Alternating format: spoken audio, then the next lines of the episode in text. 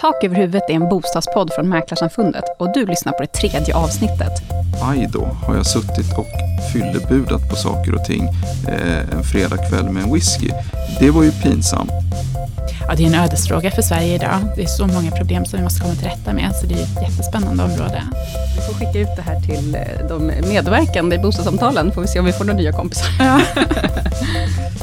Det visar sig att det var en plastmatta. Ja. Eh, det är lite halvtrist eh, Ja, då. det- Speciellt dagens när man tror... understatement. Ja,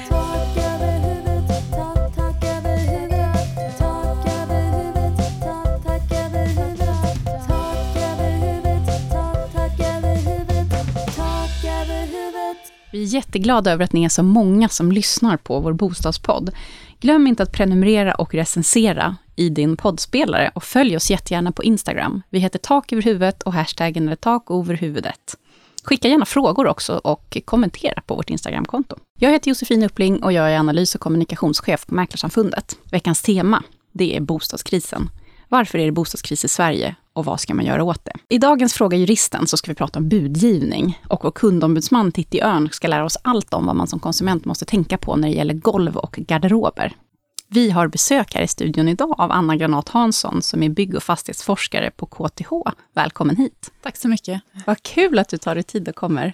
Ja, det är jätteroligt att få vara här. Eh, kan du inte säga någonting kort om dig själv och din bakgrund och hur länge du har sysslat med det här och varför de här frågorna är så intressanta? Eh, jag är ju då civilingenjör från eh, KTH från början och har jobbat i industrin i 15 år. Och nu har jag valt, eh, sedan två år tillbaka, är jag tillbaka på KTH och sysslar bara med bostadsfrågan. Och, då gäller det institutionella förutsättningar för bostadsbyggandet i stor utsträckning. Och det är då de politik, lagar och regler som styr byggandet. Men vi tittar också på andra delar av fastighetsmarknaden eller bostadsmarknaden, hur den fungerar. Vad är det som gör det här så intressant? Ja, det är en ödesfråga för Sverige idag. Det är så många problem som vi måste komma till rätta med, så det är ett jättespännande område. Du, din avhandling, eh, den, handlade, den fick ju för det första väldigt mycket uppmärksamhet, vilket är jättekul tycker vi när akademin kommer ut med sina rön brett. Ja, det, det har varit jättepositivt och roligt. verkligen. Eh, och den handlar ju om en jämförelse. Du har tittat på vad vi i Sverige kan lära av Tyskland när det kommer till bostadsmarknaden. Vad skulle du säga är de viktigaste medskicken och lärdomarna från din avhandling? Eller det du hittade liksom. Ja, jag har ju tittat på de tidiga skedena i nyproduktionen och det, de eh, två saker som har kommit fram, det är dels rör planfrågor i en lite vidare mening än vi brukar prata om dem här i Sverige. Och sen kommunala strategier för att få fram fler bostäder. Och när det gäller eh, planerna då så är det, har jag tittat på alternativa vägar fram till bygglov. Eh, och framförallt på hur man kan koncentrera eh, kommunens kompetens eh, till de viktiga frågorna och eh, få en snabbare process på det sättet.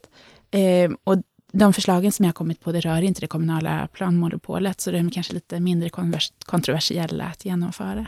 Okej, och kan du säga något mer konkret? Liksom? Som Mm. jag förstått så gör man på det här sättet i Tyskland och det har varit en framgångsfaktor. Jo, i Sverige finns det bara ett standardförfarande i planprocessen. All- Alla, oavsett om det är en industri eller om det är ett bostadshus, så är det en, i princip samma process. Men det är det inte i Tyskland, utan där har man fyra alternativa vägar. Ehm, tre utöver standardförfarandet, då, där man i det extrema fallet helt kan hoppa över detaljplanen. Ehm, när man bara bekräftar befintligt bebyggelsemönster. Det säga man bygger likadant som det ändå ser ut i området, så behöver man ingen detaljplan. Ehm, och det här är ju ett eh, jättestarkt medel för att komma fram fort. Jätteintressant. Ja. Eh, ren, om man ska vara lite, mm, jag är ju lite pessimistiskt lagd. är det här något som du tror skulle kunna vara möjligt i Sverige på lite sikt? Jag har skrivit i mina avhandlingar att jag tror att det är ett för stort avsteg från eh, svensk tradition. För man, det, det påverkar delvis eh, synen på äganderätt och sådana här saker. Eh, att det, då var jag väldigt pessimistisk och tänkte så här, nej men det här kommer inte att funka. Men jag har föreslagit att man kan införa privat initiativrätt i, i planeringen och kanske ett förenklat detaljplaneförfarande som är ytterligare förenklat än det, de förenklingarna som redan är gjorda i Sverige. Eh, men nu så har ju i de här blocköverskridande samtalen har ju den här frågan om befrielse från detaljplan kommit upp igen, helt väldigt förvånande. Så att eh, det kanske inte är helt omöjligt.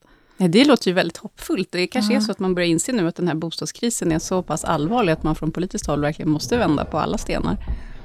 Ja, man kan ju hoppas det. Nu har de ju, de fokuserar väldigt mycket på nyproduktionen och just på planfrågor i de samtalen som är. Det är där man ser att de kommer att komma fram med någonting.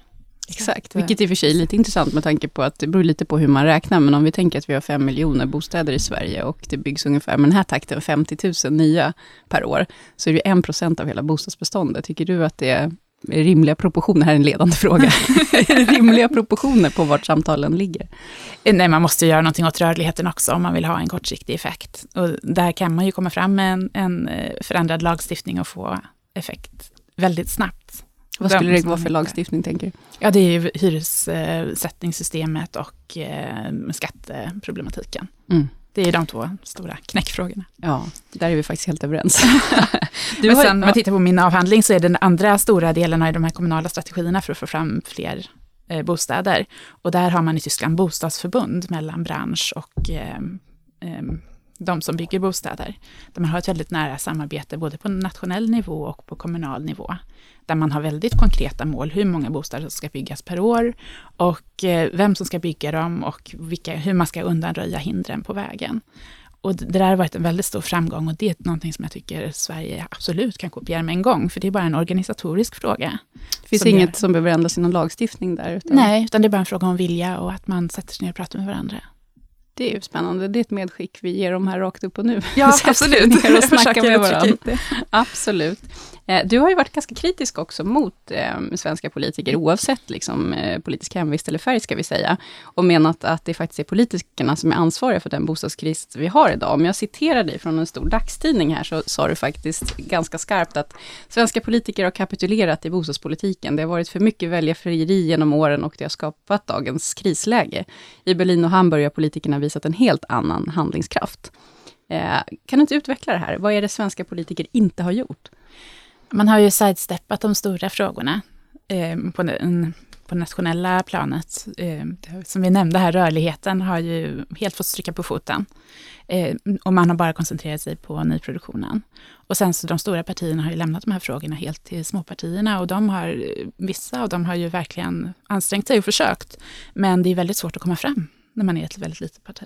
Mm. Och vad beror det här på? Beror det på, för jag tänker bostadsfrågor berör ju exakt alla människor egentligen. Är man rädd för att få väljaropinioner emot sig, eller vad, vad beror det på? Ja, det, det, tror jag. Att man, eh, eller ja, jag vet det.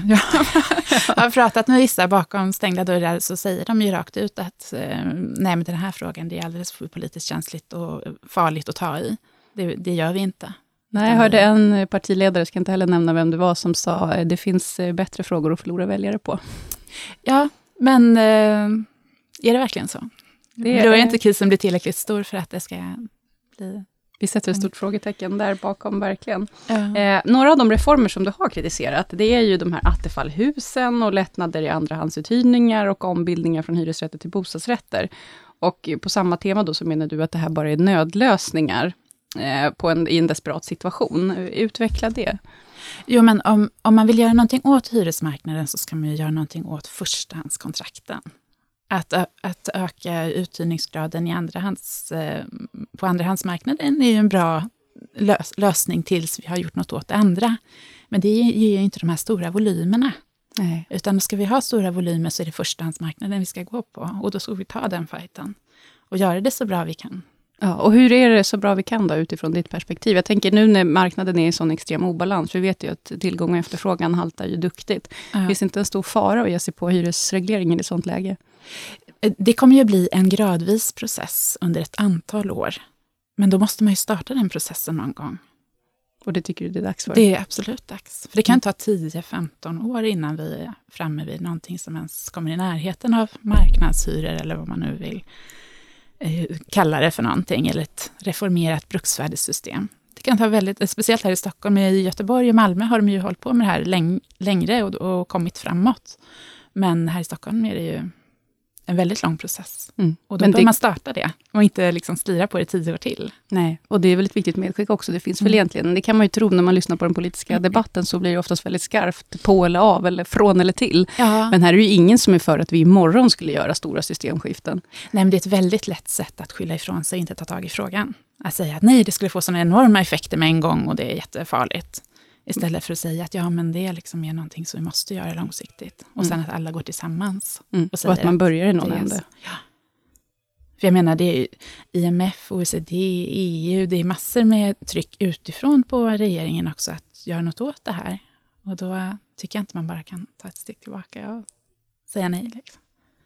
Eh, åtminstone fundera på det. Ja, jag håller med dig helt och fullt. Det här blir ju faktiskt, eh, vi, vi kommer inte ha så många konflikter du och jag i den här frågan, utan vi bekräftar varandra här bara, men det kan behövas det också. Ja, då får vi se om vi får några kommentarer sen. Ja, det får vi se. Det blir spännande. Vi får skicka ut det här till eh, de medverkande i bostadssamtalen, får vi se om vi får några nya kompisar. Ja. eh, eh, Precis, luddiga mål och luften om att bygga bort bostadsbristen. Eh, hur tycker du att det går för den sittande regeringen så här långt med bostadsfrågorna? Nu är du i akademin, så det kanske inte är din främsta roll att utvärdera dem på det sättet, men känner du dig hoppfull med de här, bostadspoli- här blocköverskridande bostadspolitiska samtalen som pågår nu? Jag tycker det är jättepositivt att de kom till slut. Att det, var, det är ganska många som har tjatat på dem väldigt länge, att ni måste ta de här blocköverskridande samtalen. Och nu har de kommit och det, det får vi ge dem, att det är jättebra att de har börjat. För då, även om man kanske inte tar tag i de stora frågorna, så kommer man kanske framåt i alla fall i några frågor som, där det förut har liksom använts som parti, partipolitiska eh, stridigheter med planprocessen till exempel. Eh, om man kan komma överens om, om, om, när det gäller det, så har man i alla fall kommit en liten bit på vägen. Mm. Det, det tycker jag är positivt. Men man ser ju det fanns ju hopp om att alla frågor skulle upp på bordet, som de sa i början. Mm. Alla frågor skulle upp på bordet och det skulle vara snabba beslut. I juni skulle vi få någonting. Och sen så krymper det liksom ner. Redan efter andra samtalet så handlar det bara om nyproduktionen. Och nu fick vi igår här att det är byggregler, detaljplaner, typgodkännande som är jättepositivt tycker jag, av hus. Och, och sen det här med byggkrav på kommunerna. Just det. det är det som, som kommer att bli. Ja. Förmodligen. Och ingenting om rör, rörligheten nej. i beståndet. Nej. Men man kanske får vara glad för det lilla då, i det här läget helt enkelt. Ja, med tanke på hur det såg ut tidigare så är det en framgång. ja, faktiskt. Eh, vi har pratat lite om den här eh, flexiblare planlagstiftningen i Tyskland och där tror du ändå att man skulle kunna Eh, ja, där skulle man, det är, det är, ett för stort avsteg att ta helheten och applicera på den svenska modellen, men det skulle ändå kunna gå att göra någonting där, liksom om man satte sig vid något bord och började prata, byggare och politiker ute i kommunerna. Ja, jag tror det, det lagförslaget som hastades fram i slutet av eh, Alliansens mandatperiod, eh, det var ju inte eh, fullt genomtänkt. Utan det var lite för snabbt. Men eh, det finns ju andra varianter på det hela som kanske ligger närmare den tyska lagstiftningen som jag tror att man absolut kan titta vidare på. Eh, sist men absolut inte minst, den här frågan har jag sett fram emot mest att få höra hur du ser på den. Hur ser din eh, topp fem önskelista, om du får göra en egen bostadsreforms önskelista, Eh, vad skulle du sätta? Fem stycken. Eh, du får önska exakt vad du vill. Här i vår poddstudio har vi inga realistiska begränsningar. Om du fick eh, i uppdrag imorgon att lösa bostadskrisen, som det faktiskt är, det är inte längre en brist utan en kris, vad skulle du göra? Fem reformer. Rörligheten, det är två punkter. Det är hyresmarknaden. Det måste vara möjligt för en medelsvensson att få en hyresrätt i ett modernt land. där måste vi göra någonting. Och sen så eh, skatteproblematiken. Och när du det, säger skatteproblematiken, vad menar du då? Ja, ta bort, eh, eh eller inte ta bort, men reformera reavinstbeskattningen. Mm. Och där är, det, invändningen där är ju ofta att vi har, det, det, blir så väldigt stor skillnad på skatt på kapital och arbete, för att man ju redan har tagit bort fastighetsskatten och gåvoskatten, arvsskatten, allting sånt. Då blir det väldigt magstarkt att även börja ge sig på reavinstskatt på fastighetsförsäljning. Vad mm. säger du till dem eh, som ja, man måste, bortförklarar så? Man måste ju balansera det mot någonting annat. Och det är det som är det jättesvåra, om vi ska ta ränteavdragen eller vad vi gradvis fasa ut dem, eller vad, vad man ska balanserade mot. Just det, men det måste kompenseras på något sätt. Ja. Okej, men då har vi... Det är därför det är så himla, det är därför det är om man bara skulle ta bort reavinstskatten skulle det inte vara något svårt alls. Nej. Det skulle alla kunna skriva på, på utom Vänsterpartiet möjligtvis. Mm. Men, eh, men när det ska också. balanseras mot något annat, då...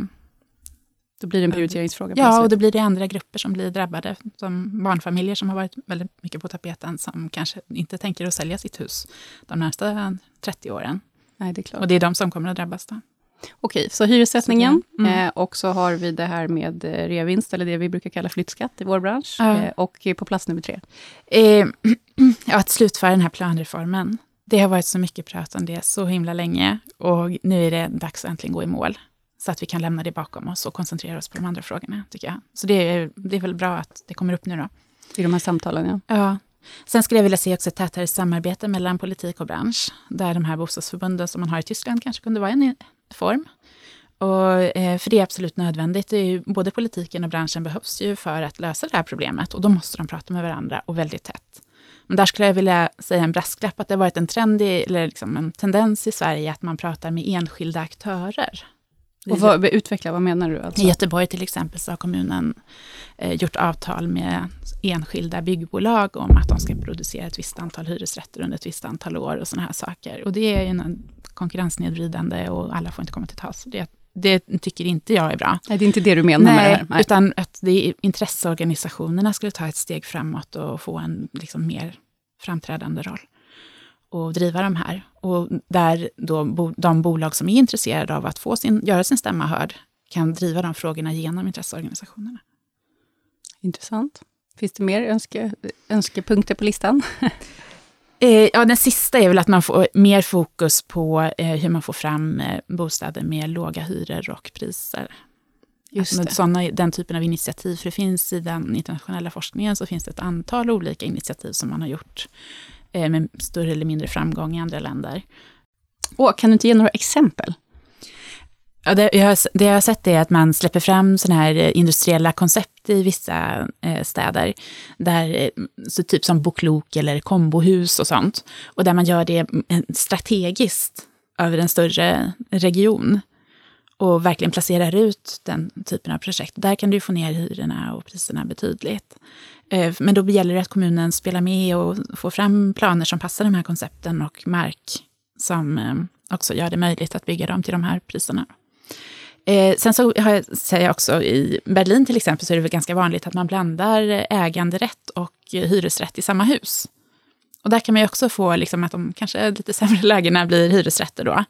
Eh, men att då får man ju en, man får ju bort en segregations problematik genom det. Och sen så får man utnyttja eh, lägena på, liksom, till flera olika samhällsgrupper. Eh, sen så finns det också vissa initiativ där man eh, trycker på byggherrarna att blanda eh, lågprisbestånd eh, med lite mer exklusivt bestånd eh, genom exploateringsavtalen. Och det, här, det är väldigt kontroversiellt, men det är något som kommer från USA för att få fram billiga bostäder och sen som stegvis eh, har nått Europa i mer eller mindre grad och som nu har kommit till Sverige också. Eh, där man, det, vi kommer förmodligen få se att det kommer att expandera i Sverige och då är frågan är hur gör man det på bästa sätt? Det är också någonting som vi inom forskningen kommer titta vidare på. Spännande. Ja. mitt nästa forskningsprojekt ska nu handla om industriellt byggande och förutsättningarna för det när det gäller mark och planer och sånt. Och eh, det, det tror jag, där finns det mycket att göra. Det ska bli jättespännande att följa det mm. forskningsprojektet. Eh, faktiskt, för att om man tänker att man kan bygga mer eh, strukturerat, så borde man ju kunna få ner kostnaden. Absolut. Stort tack, Anna Granat Hansson, bygg och fastighetsforskare på KTH. Ja, tack.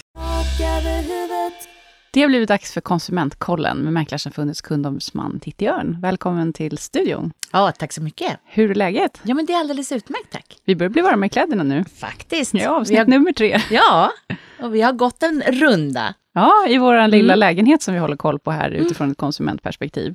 Vi har pratat om badrummet och vi har pratat om köket. Och idag har det blivit dags för... Golv och garderober. Spännande! Mm. Take it away Titti. Ja, alltså golv eh, och garderober kan jag säga, om vi sätter ihop det tillsammans, är någonting som jag får mycket frågor runt i efterhand när man har köpt. Det är lite otippat ändå känner jag. Ja, kan man tycka. Inget man men, har hört talas om. Nej, eh, men och det är väl liksom sånt, golv finns och, och garderober finns, ja så kanske vi glömmer det och tittar mer på andra saker. Ah, när vi är på eh, visningen alltså? Ja, precis. Eh, och sen i efterhand, eh, när man faktiskt ska använda sitt golv och använda sina garderober, så, så är man fundersam. och vad är det man funderar på? Då? Ja, precis. Och det, det som är då, om vi börjar med golven. när, Många av oss har ju mattor på golven, det står möbler och ofta är det dessutom mycket människor på visningarna. Så att man har liksom inte blicken på golvet. Eh, men det är så här, är det viktigt för dig vilken typ av golv det är. Förlita dig inte bara på det som står i objektsbeskrivningen, utan försäkra dig själv om att det är det golvet du tror att det är. Dels så är det ju så att det är så otroligt eh, finns så otroligt mycket fina kopior av saker och ting idag eh, som man kanske tror är ett ekparkettgolv lagt i stavar, i fiskbensmönstrat eller så det visar sig att det var en plastmatta. Ja. Eh, det är lite halvtrist eh, då, speciellt Dagens när man understatement. Ja, så att eh, eh, det, det, det, är faktiskt klokt att verkligen eh, fördjupa sig i det, om det är viktigt. Ja, jag är en supergolvnörd kan jag mm. faktiskt avslöja. Jag ratar ungefär 80 procent av alla lägenheter jag tittar på på Hemnet på grund av fula golv. För att fula golv, ja. Precis. Eh, och då är inte grejerna borta. Då kan du tänka hur det är när de här sakerna har flyttats ut och det faktiskt visar sig att det var en stor repa, det var en fläck och så vidare. Så det är egentligen det, det är här, konsumenter som är besvikna på att det var plastmatta istället för ekparkett, eller att det var liksom märken som man inte såg, är det vanliga? Ja, att man, skulle jag inte blivit upplyst om det här och, och så. Och var gränsen går för undersökningsplikten, det är det man undrar. Eh, det är också sen, som sagt som så att man ska, måste sätta sig in i vad det är man köper för någonting. Köper jag ett trägolv? Ja. Men går det att slipa mer än en gång och så vidare? Eh, kan jag kombinera två olika golv? Kan jag lägga på ett annat och så, sådär? Man måste liksom tänka efter om det här är viktigt. Och särskilt om man har renoveringsplaner som du säger. Kolla, det kanske är så slipat det här golvet så det ja. går inte att göra igen. Nej. Eller att det blir något knas med det man har tänkt lägga på. Liksom. Så att eh, det finns risk för besvikelse vad det gäller golven, så därför är man som du, golvnörd, ha lite extra koll på det, vad det är på golvet. Mm. Mm. Och för annars är det precis samma ja. princip som med allt annat, det du hade kunnat kolla upp själv som konsument. Ja. Precis. Kan du inte eh, åberopa sen i efterhand. Nej men precis, och det som jag ändå vill påpeka är naturligtvis att du ska ju kunna eh, förvänta dig att uppgifterna är rätta och riktiga i objektsbeskrivningen. Men eh, det är väl klokt att du gör din egen bedömning utifrån just dina egna önskningar och förväntningar. Smart. Mm. Garderoberna då? Garderoberna. Eh, där är det eh, flest frågor kring Fick de ta med sig garderoben? Det stod ju två garderober här och det står med i objektsbeskrivningen också. Nu, nu är de borta. Eh, eller att eh, garderoben som hade en jättefin inredning, den är tom. Plötsligt har de tagit med sig ja. inredningen. Ja, får de det? Eh, och det här med garderober eh, är, är någonting som man ska vara noga med att ställa frågan. Just det, för det finns ingen, om jag har köpt en garderob och ställt in så får jag ju naturligtvis ta med mig garderoben när jag vill. flyttar. Ja. ja. och det här är ju någonting som mäklarna är duktiga på att ta upp redan från början när de får uppdraget. Och talar med, med sin uppdragsgivare så är, jobbar de oftast proaktivt och frågar du den här garderoben, tänker du lämna kvar den eller eh, ska vi ha, får den gå med i köpet? Just det, för att om de inte tänkt lämna kvar den så vill man inte skriva i objektsbeskrivningen. Nej, då Stor det, garderob i hallen. Nej, då ska man också tvärsom skriva att den stora garderoben i hallen ingår inte i detta köp. Ah, det går att vrida ja, så att det är viktigt vad man, vad man ger för information helt enkelt. Eh, men som köpare då, eftersom det är köpare vi är just nu, så är det ju då också att titta runt omkring. Läs i objektsbeskrivningen, titta hur det ser ut. Finns det någon anledning för mig att eh, något som gör att förväntningarna kan bli fel? Liksom.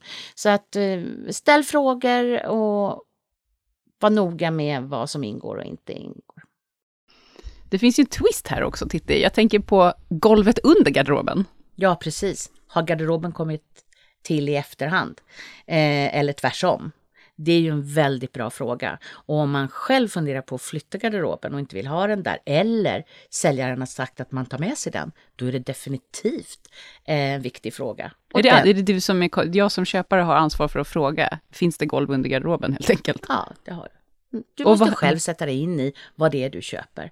Och eh, applicera det på dina egna förväntningar och det du ska göra. För det kan ju ingen annan eh, veta vad du vill göra, om du vill ha det precis så här eller om du faktiskt vill förändra någonting. Och då måste du tänka den vägen. Jag har en kompis som köpte en lägenhet där de hade målat om hela väggen och sen tog de med sig garderoben och så hade de ju inte målat bakom den här garderoben. Mm. Vad, vem har ansvar där? Det var ju lite trist för henne, de fick ju tapetsera om hela rummet. Ja, jag förstår. Eh, precis. Eh, det hade varit klokt av henne att upplysa för att Alltså som säljare, säljaren, ja. ja. som säljare, ja förlåt men det var det, Mm, min kompis var köpare. Som säljare så ska man informera om sånt som man kan förstå kan vara av betydelse. Eh, och jag förutsätter att hon bara glömde bort det. Och det är lätt att glömma bort. Ja. Mm, att hon inte hade målat på garderoben. Fint, Eh, jag känner mig nöjd med det här. Eh, Har vi missat något? Jag satt just och tänkte på det också. Eh, spontant, nej. Det var väl det jag ville förmedla som jag får mycket frågor runt omkring. Ja. Och har man frågor, kommer man på något annat, så kan man ju faktiskt skriva en fråga på vårt Instagramkonto. Strålande. Så kanske går- vi svarar nästa gång. Ja, precis. Det går jättebra Ja. det. Vad roligt. Hur, hur ska vi vidare nu då? Nu har vi bränt av kök, badrum, golv och garderober. Vad blir Mm. nästa grej?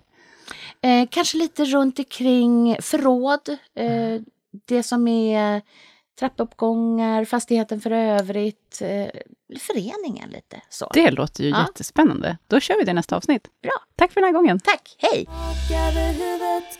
Den här veckan har vi åkt till Uppsala för att träffa veckans profil. Veckans profil heter Frida Gomer. Hon är fastighetsmäklare, jurist och sedan ett halvår tillbaks butikschef på en av de eh, stora mäklarkedjorna. Hej Frida! Hej! Heter du butikschef förresten? Kontorschef säger. Kontorschef säger Ja, man. Ah, jag har hört det här med mäklarbutik, men Precis. det heter kontorschef. Här har vi kontorschef i alla fall. Kul att vi har fått komma hit och träffa dig. Ja, men kul att ni ville komma hit. Hur mår du? Jag mår väldigt bra. Eh, absolut. Det är fredag idag så det känns väldigt kul. Ja, hur är businessen i Uppsala? Ja, men det är, har börjat vakna till liv lite så att eh, det är dumt att klaga skulle jag säga. Jag ser fram emot en spännande vår. Härligt. Du, kan inte du eh, börja med att beskriva dig själv? Vem är du? Absolut. Eh, Frida som sagt, 26 år gammal. Eh, född och uppvuxen i Skåne. Och, bor... Och det är nu jag ska säga, det hörs nästan som att du har dialekt. Precis, jag har mina skånska R i alla fall. Eh, sedan ett, vad blir det, ett och ett halvt år sedan så bor jag i Uppsala tillsammans med min pojkvän och vår lille hund. Och eh, till sommaren så flyttar vi faktiskt in i ett nybyggt hus strax utanför Uppsala. Just det, och du avslöjade innan här att huset har precis kommit nu, så ni har varit och spanat på det. Precis, precis. Så att nu, eh, nu händer det grejer. Gud vad spännande. Eh, du säger att du är född och uppvuxen i Skåne och hur du har tagit dig mot Uppsala. Hur började din resa i branschen? Den började egentligen med att jag växte upp i en, i en ganska så stor mäklarsläkt. Eh, men jag började själv plugga affärsjuridik och kände när jag läste fastighetsrätten att det här var ju väldigt kul och väldigt spännande. Och då började jag läsa till fastighetsmäklare helt enkelt och insåg ganska snabbt att det här intresset kom ju från familjen. Du hade hört talas om det här vid Ah. köksbordet hemma. Ganska mycket, hängde med föräldrarna på visningar och sådär också så att eh, det fanns ju i mig. Vad var det som du fastnade för? Var det någon särskild del eller liksom, du kände att det var något som var bekvämt och bekant eller var det någon särskild del som du fastnade för? Det var nog snarare att det var eh, ganska bekant. Att, att jag kände att ja, men det här kan jag och det här vill jag fördjupa mig mer i. För att jag förstår ganska tidigt vad, vad det var som det handlade om. Och eh, det var egentligen det som, som eh, jag kände att det här vill jag mm, ja, utforska mer helt enkelt. Just det, och då blev det en eh, juristexamen men också en fastighetsmäklarexamen. Precis, precis. Och sen eh, flyttade jag ner till Småland och fick jobb, eh, en kombitjänst faktiskt, som jurist och fastighetsmäklare. Ah. Så att där fick jag använda båda, båda utbildningarna. Eh, vad skulle du säga är det allra bästa med jobbet då? Det här intresset som du hade och så jag antar du är ju kvar i branschen så det finns ju något här som är riktigt kul. Vad är det allra bästa med jobbet? Det allra bästa skulle jag säga om man tittar på mäklarsidan det är ju säljet. Jag brinner ju för försäljning och just det här att överträffa kunders förväntningar. Eh, och tittar man på min roll som kontorschef så är det absolut att coacha mäklarna och se en, en utveckling framåt helt enkelt. Hur många är du chef över? Just nu är vi åtta på kontoret och eh, har flera mäklare på gång in. Så att, eh, mm. Vi ska ta fler marknadsandelar här i Uppsala Ja. alltså. Ja, spännande. Eh, det är ju lite intressant det här om man tittar på vår statistik. Eh, hur många som är kvinnor, hur många som är män och hur gamla folk är och så. Så ser vi ju att eh, det är många som utbildar sig. Nu har vi nästan en balans kan man säga på utbildningen. Det är 50-50 tjejer och killar. Men vi vet också att det är ganska stor personalomsättning i branschen och att det framförallt är Eh, unga kvinnor som slutar under de första åren. Eh, hur ser du på det här och kan man förhindra det här på något sätt eller förebygga det från branschens håll? Mm, jag känner ju mig själv, eh, jag känner igen mig själv där, eftersom jag själv har, har slutat i branschen ett tag när jag jobbade som jurist och sen nu har kommit tillbaka eh, till just mäklare. Och jag skulle säga att svårigheten för mig som ung tjej, det är ju att mäklaryrket väldigt länge har varit mansdominerat. Den typiska mäklaren är en man i 30-40 års åldern och är man då ung tjej som jag började mäkla när jag var eh, 22-23 Just det, då var det dessutom ute på landet i Småland. Precis. Så mina det var mycket gårdar. Ja, mina första intag var gårdar och landställen. Och komma som ung tjej där, då var man, hade man uppförsbacke redan från början. Så att eh, jag tror att det är mycket mansdominerat och då har man lite svårare som tjej att komma in. Just det. Vad beror det på? Att kunderna har en annan förväntansbild eller vad? Jag tror att många kunder har en annan förväntansbild. Men samtidigt att som ung tjej så utstrålar man att man är ny i branschen. Och eh, många kunder vill ju ha erfarna mäklare. Och eh, även om, om en man i kanske 60-årsåldern precis har omskolat sig till mäklare så tror jag ändå att han har en fördel jämfört med mig som var 22 och, ah. och kommer ut. Så att man får eh, jobba lite hårdare skulle jag säga. Det är så man kompenserar att jobba hårdare? Mm, man får bevisa sig och hävda sig mer tror jag. Och det blir kämpigt i längden? Jag tror det och sen så eh, tror jag att mycket hänger kvar i att det är tufft helt enkelt med provision också. Behöver man kämpa lite extra för att få in dem så tar det också ganska mycket kraft om man bara har provisionslön helt enkelt. Just det, och det, kan det vara en del av lösningen då, hur man i branschen kan förebygga de här avhoppen? Är det ett annat sätt att ge folk betalt eller hur ser du på det? Ja men kanske. Eh, jag ser fler och fler som övergår till andra lönemodeller och det blir ju en trygghet för, för de tjejer i så fall som känner att det är tufft. Men samtidigt det som vi jobbar mycket med det är ju att få fram eh, säljtänket hos mäklarna här. Vi har unga tjejer här som, som kämpar otroligt hårt och eh, får dem mer säkra på sin sak helt enkelt. Att eh, ja, vara säkra ut hos kund och visa att jag kan det här och jag är här av en, en expert helt enkelt. Jag, jag vet vad jag sysslar med. Mm. Men det går åt rätt håll som sagt. Vi ser ju att det blir fler och fler kvinnor som utbildar sig. Så om några år så kommer vi nog ha en ännu jämnare fördelning. Nu tror jag att den är 60-40, 60 procent män och 40 procent kvinnor. Och så får vi jobba bättre i branschen då för att behålla kvinnorna också längre. Ja men jag hoppas det, absolut. Det är en positiv trend i alla fall. Eh, om vi tittar lite mer på kontorschefsrollen då, det är ju väldigt spännande. Vad innebär den i, här på det företaget som du jobbar? Ja, egentligen allting för att driva kontoret framåt. Vi har ju två franchisetagare idag som, som är det yttersta de som har det yttersta beslutsfattandet egentligen.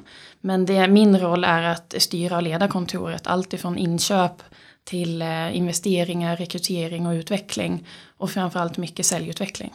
Det är, det det är hela det operativa ansvaret egentligen? Här. Ja, precis. Vad spännande, vad är allra roligast? Det är nog att coacha mäklarna faktiskt. Och se dels eh, framgångarna hos dem själva, hur de utvecklas personligt och även faktiskt lönekuvertet som syns på företagets omsättning också. Eh, så det är utvecklingen. Vad är svårast då och vad är de största utmaningarna med att vara kontorschef? Det är att mäklarna är så pass olika, det är olika individer. Man måste anpassa jobbet och hela, hela arbetsstrategin utifrån vilka mäklare det är man hjälper. Och utifrån vad kontoret behöver just då. Alla mäklare behöver hjälp på olika sätt. Var befinner du dig om fem år? Karriärmässigt, tänker jag. Precis. Det är en svår fråga, men jag hoppas att jag är kvar inom samma kedja. Och eh, mitt mål är ju att, att bli franchisetagare, så att det är där jag, jag hoppas att jag kommer ah, hamna. Det är, där, det är ditåt vi strävar helt enkelt. Precis. Vad spännande, det ska bli kul att följa den resan. Eh, sist men inte minst, eh, har du några tips sådär rakt till bostadskonsumenterna? Eh, vad ska man tänka på innan man ger sig ut på bostadsmarknaden? Jag tycker att man ska vara påläst faktiskt. Man ska ha, ha kontaktat bank och man ska ha läst på om, om det området eller bostad man letar och våga fråga mäklaren. Mäklaren i Sverige är ju opartisk och finns där för både köpare och säljare. Så våga ställa frågor till mäklaren. Vi, vi hjälper ju alltid från förstagångsköpare till de som köper sin sjätte, sjunde bostad. Så att eh, vi finns ju där för dem också. Så ställ frågor men läs på själv också. Mm. Tipsen. Stort tack Frida Gomér för att vi fick komma och träffa dig i eh, Bostadspodden Tak över huvudet. Tack själv. I veckans avsnitt av Fråga Juristen ska vi prata om budgivningar. Eh, till min hjälp här i studion har jag Mäklarsamfundets ena förbundsjurist, Fredrik Aldmo. Välkommen in! Tackar, tackar. Det är en av de frågorna som är vanligast och som också ställer till med en hel del eh, frågeställningar och diskussioner. Ja, det stämmer. Det är väldigt ofta som det blir eh, bråk och egentligen helt onödigt kan man säga om eh, budgivningar. Det handlar egentligen bara om att ha förståelse för vilket regelverk är som styr det här och eh, vad kan jag som köpare och säljare kanske ibland göra för att, eh, för, ja, för att förebygga situationer där det blir konstigheter. Det första man ska veta, och det är kanske är lite nedslående, det är att det finns egentligen inget det finns egentligen inga lagregler som styr det här. Eh, utgångspunkten är ju att det här styrs ju av jord, jordabalken och köplagen eh, och eh, bostadsrättslagen. Och för bostadsrätter så är det ju bostadsrätts... Det låter i och för sig som ganska många olika lagar. Mm. Ja, nej, det, det som man ska tänka på här är att det som föreskrivs i bostadsrättslagen och jordabalken det är att köp blir inte bindande förrän kontrakt är skrivet, vilket i sin tur får konsekvensen av att bud är inte bindande. Det är en viktig första princip faktiskt. Sen, det ser annorlunda ut i andra länder, men just i Sverige så är bud inte bindande. Precis. Norge har ju ett helt annat regelverk än vad, vad vi har här. Och eh, det finns ju visserligen regler för hur mäklare ska agera, eh, men de är också väldigt sparsamma. Så om man försöker bena i lite, vi börjar med att konstatera att budgivning, eh, alltså ett bud är inte bindande, utan det är själva påskriften på avtalet som är bindande. Om man försöker bena i skyldigheter och ansvar köpare, säljare respektive mäklare här då när det kommer till budgivning. Mm. Då är det ju mäklarlagen som styr det här och eh, mäklarlagen har egentligen bara en, eller de har, det är en princip avseende bud.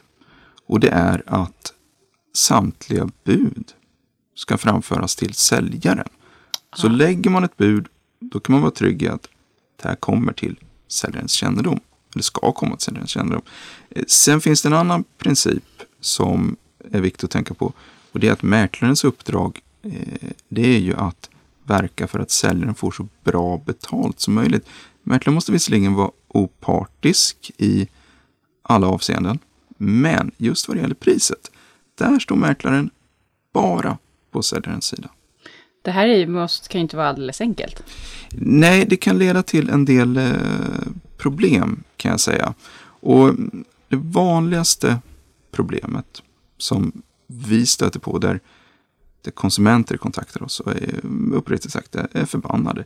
Det är för att de säger så här att mäklaren hindrade mig från att lägga bud. Det där är ju intressant verkligen. Kan mäklaren själv bestämma vilket bud som ska framföras eller inte? Nej, det kan de inte. Och jag skulle vilja påstå att det aldrig är så att mäklaren säger nej, du får inte lägga bud. Utan det mäklaren säger är att frågar först, okej, okay, du är intresserad av det här objektet. Har du varit hos banken? Frågar man nästan alltid. Och det vanliga är att man kom på visningen på söndagen och har inte riktigt kanske pratat med banken. Just och då, man, och då när man säger att man varit på banken så undrar man egentligen, har du lånelöfte? Ja, kan du finansiera det här? Ja.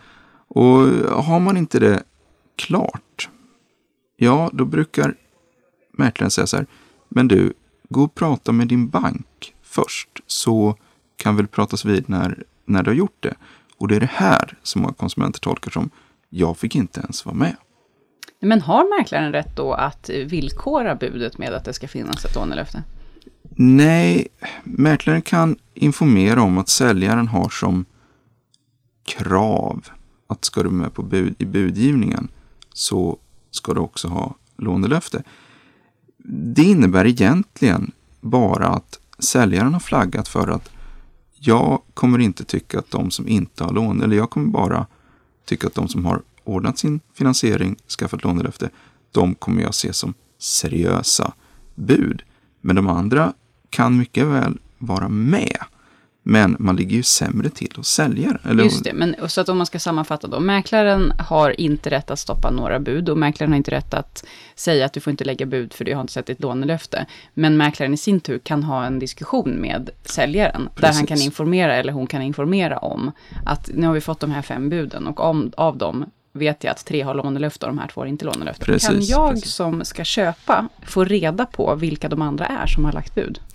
Nej, det kan du inte. Utgångspunkten är att de flesta, skulle jag vilja påstå, eh, tillämpar vad man kallar för öppen budgivning. Det vill säga att man ser vilka bud som har lagts. Men då ser man ju naturligtvis inte namn och nummer till de som har lagt de här buden. Och du ser kanske inte heller, du ser oftast inte heller om det finns något särskilt villkor förenat med det här att jag måste sälja först eller jag vill villkor av en, någon särskild besiktning. Du ser ju eller- bara summan egentligen. Ja, precis. precis. Exakt, och jag kan, men om jag misstänker då, för det här har ju också varit en, en het potatis här, framförallt under förra våren och diskussionen pågår. Om jag misstänker att det är något lurt här, ehm, jag misstänker att det är någon som mäklaren känner som har lagt budet, eller att jag budar emot en eh, person som inte alls har för avsikt eh, att köpa egentligen, som bara vill liksom trissa upp priset. Jag kan inte kontrollera det på något sätt. Nej, den enkla, eller den dystra sanningen är väl att det går faktiskt inte att kontrollera innan du skriver kontrakt. Och det här hänger egentligen ihop med att eh, mäklarlagen är utformad på så sätt att budgivningslistan som du som köpare ska få, den ska du få när uppdraget avslutas. Det vill säga vid när du tillträder, när du betalar.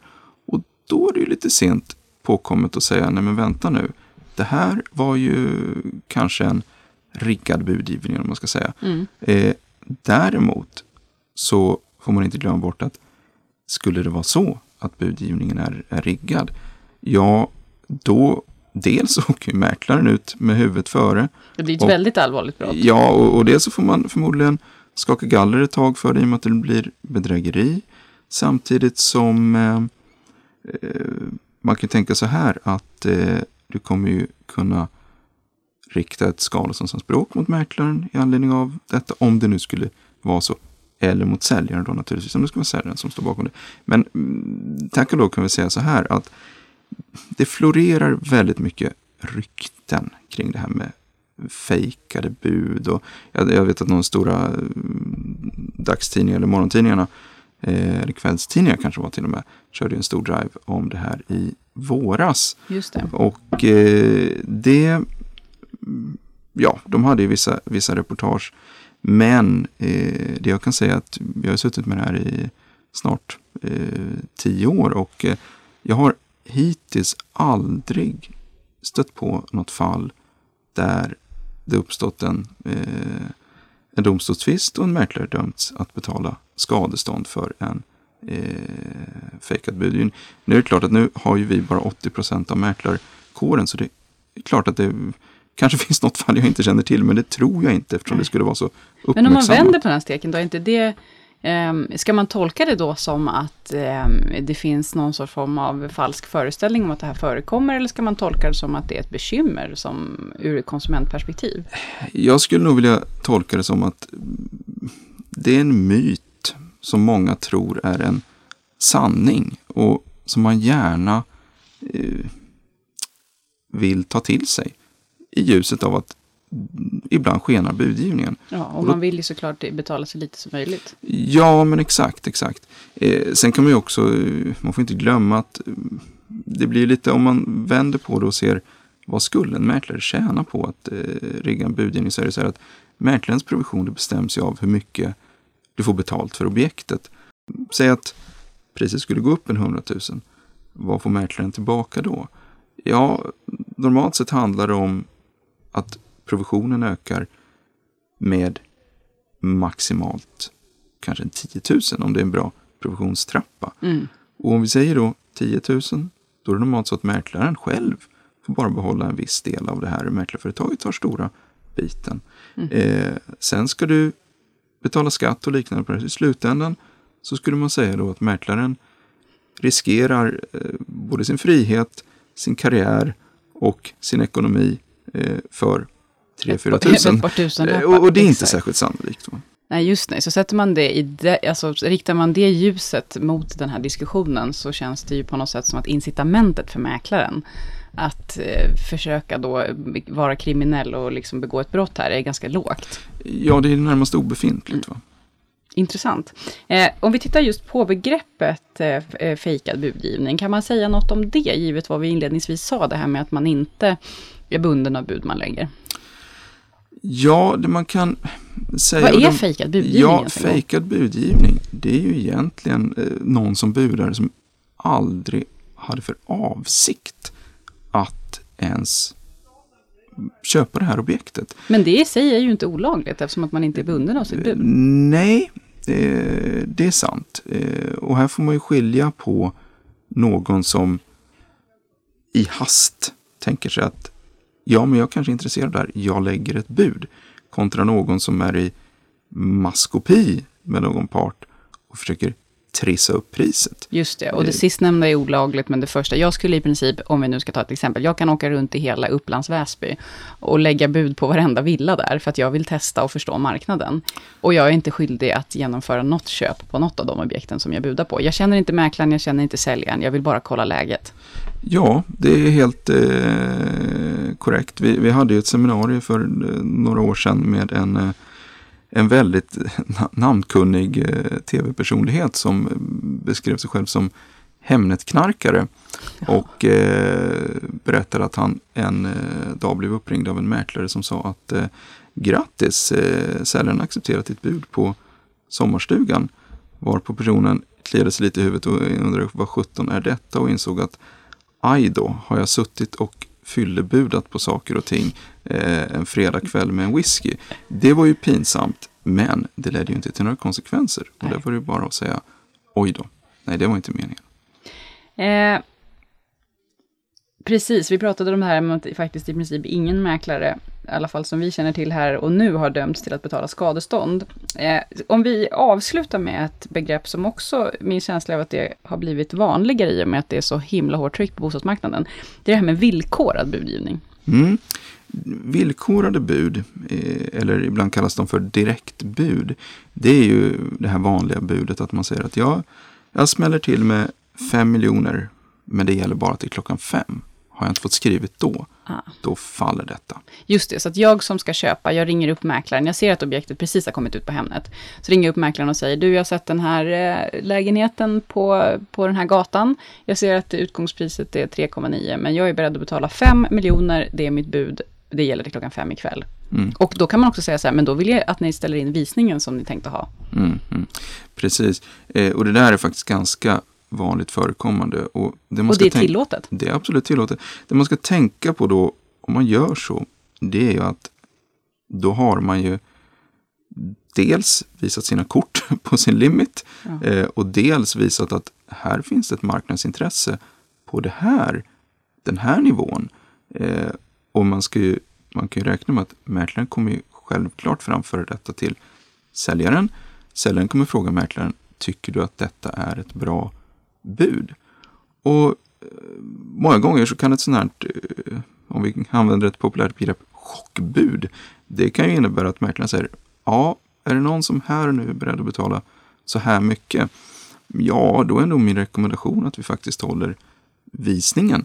Eh, eftersom då finns det ett väldigt starkt Då kan intresse. det finnas fler som är beredda att betala det här. exakt, och kanske exakt. Mer. Plus att eh, det här budet, det kommer ju att eh, komma upp som ett bud. Eh, nu finns det ju varianter när man säger så här att det här får inte framföras till någon. Om det framförs så faller budet. Eh, och då får man inte, komma, inte glömma bort att då är det säljaren som bestämmer. Ska vi framföra det där? Ska vi ringa andra spekulanter och säga nu vi har fått ett bud här eh, på, på 5 miljoner. Eh, de, de säger att, eh, att det så att säga, är ett villkorat bud. Men det finns ändå ett intresse på det här och säljaren säger nej till det. Vill du, vill du matcha det? Så man, man kan göra sig själv en, en otjänst med de här eh, villkorade buden. Just det, för du vet ju faktiskt inte, alltså som köpare så vet du inte om du hade behövt betala så mycket som 5 miljoner.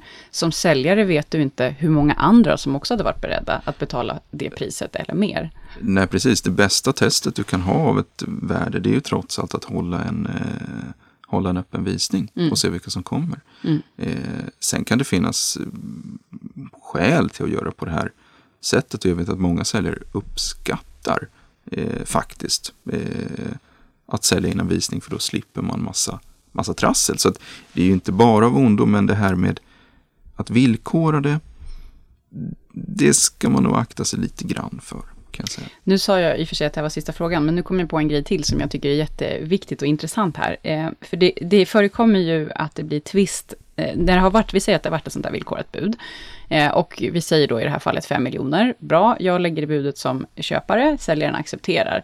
Sen upptäcker köparen, eller förlåt, sen upptäcker säljaren två månader senare, att en i princip likadan lägenhet i grannhuset såldes ju för 5,5 miljon. Mm, mm. Efter öppen visning och budgivning. Vad kan, sälja, kan säljaren då liksom hålla mäklaren ansvarig för att den fick för lite betalt?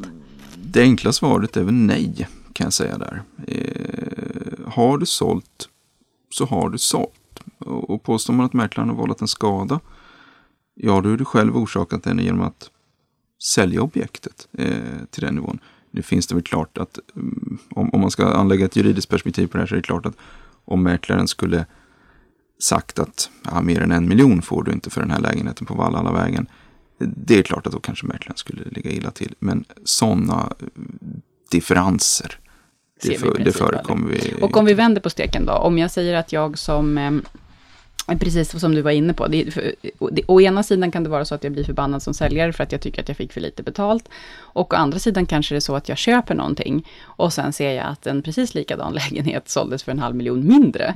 Kan mm. jag då som köpare liksom höra av mig till mäklaren och kräva någon mellanskillnad? Nej, där är det eh, faktiskt helt kört. Tack Fredrik eh, och välkommen tillbaks i nästa avsnitt. Tackar. Mäklarsamfundets podcast Tak över huvudet klipps och spelas in av Johannes Stålnacke Nero. Och musiken, den är gjord av Ellen Stålnacke Nero. Jag heter Josefin Uppling.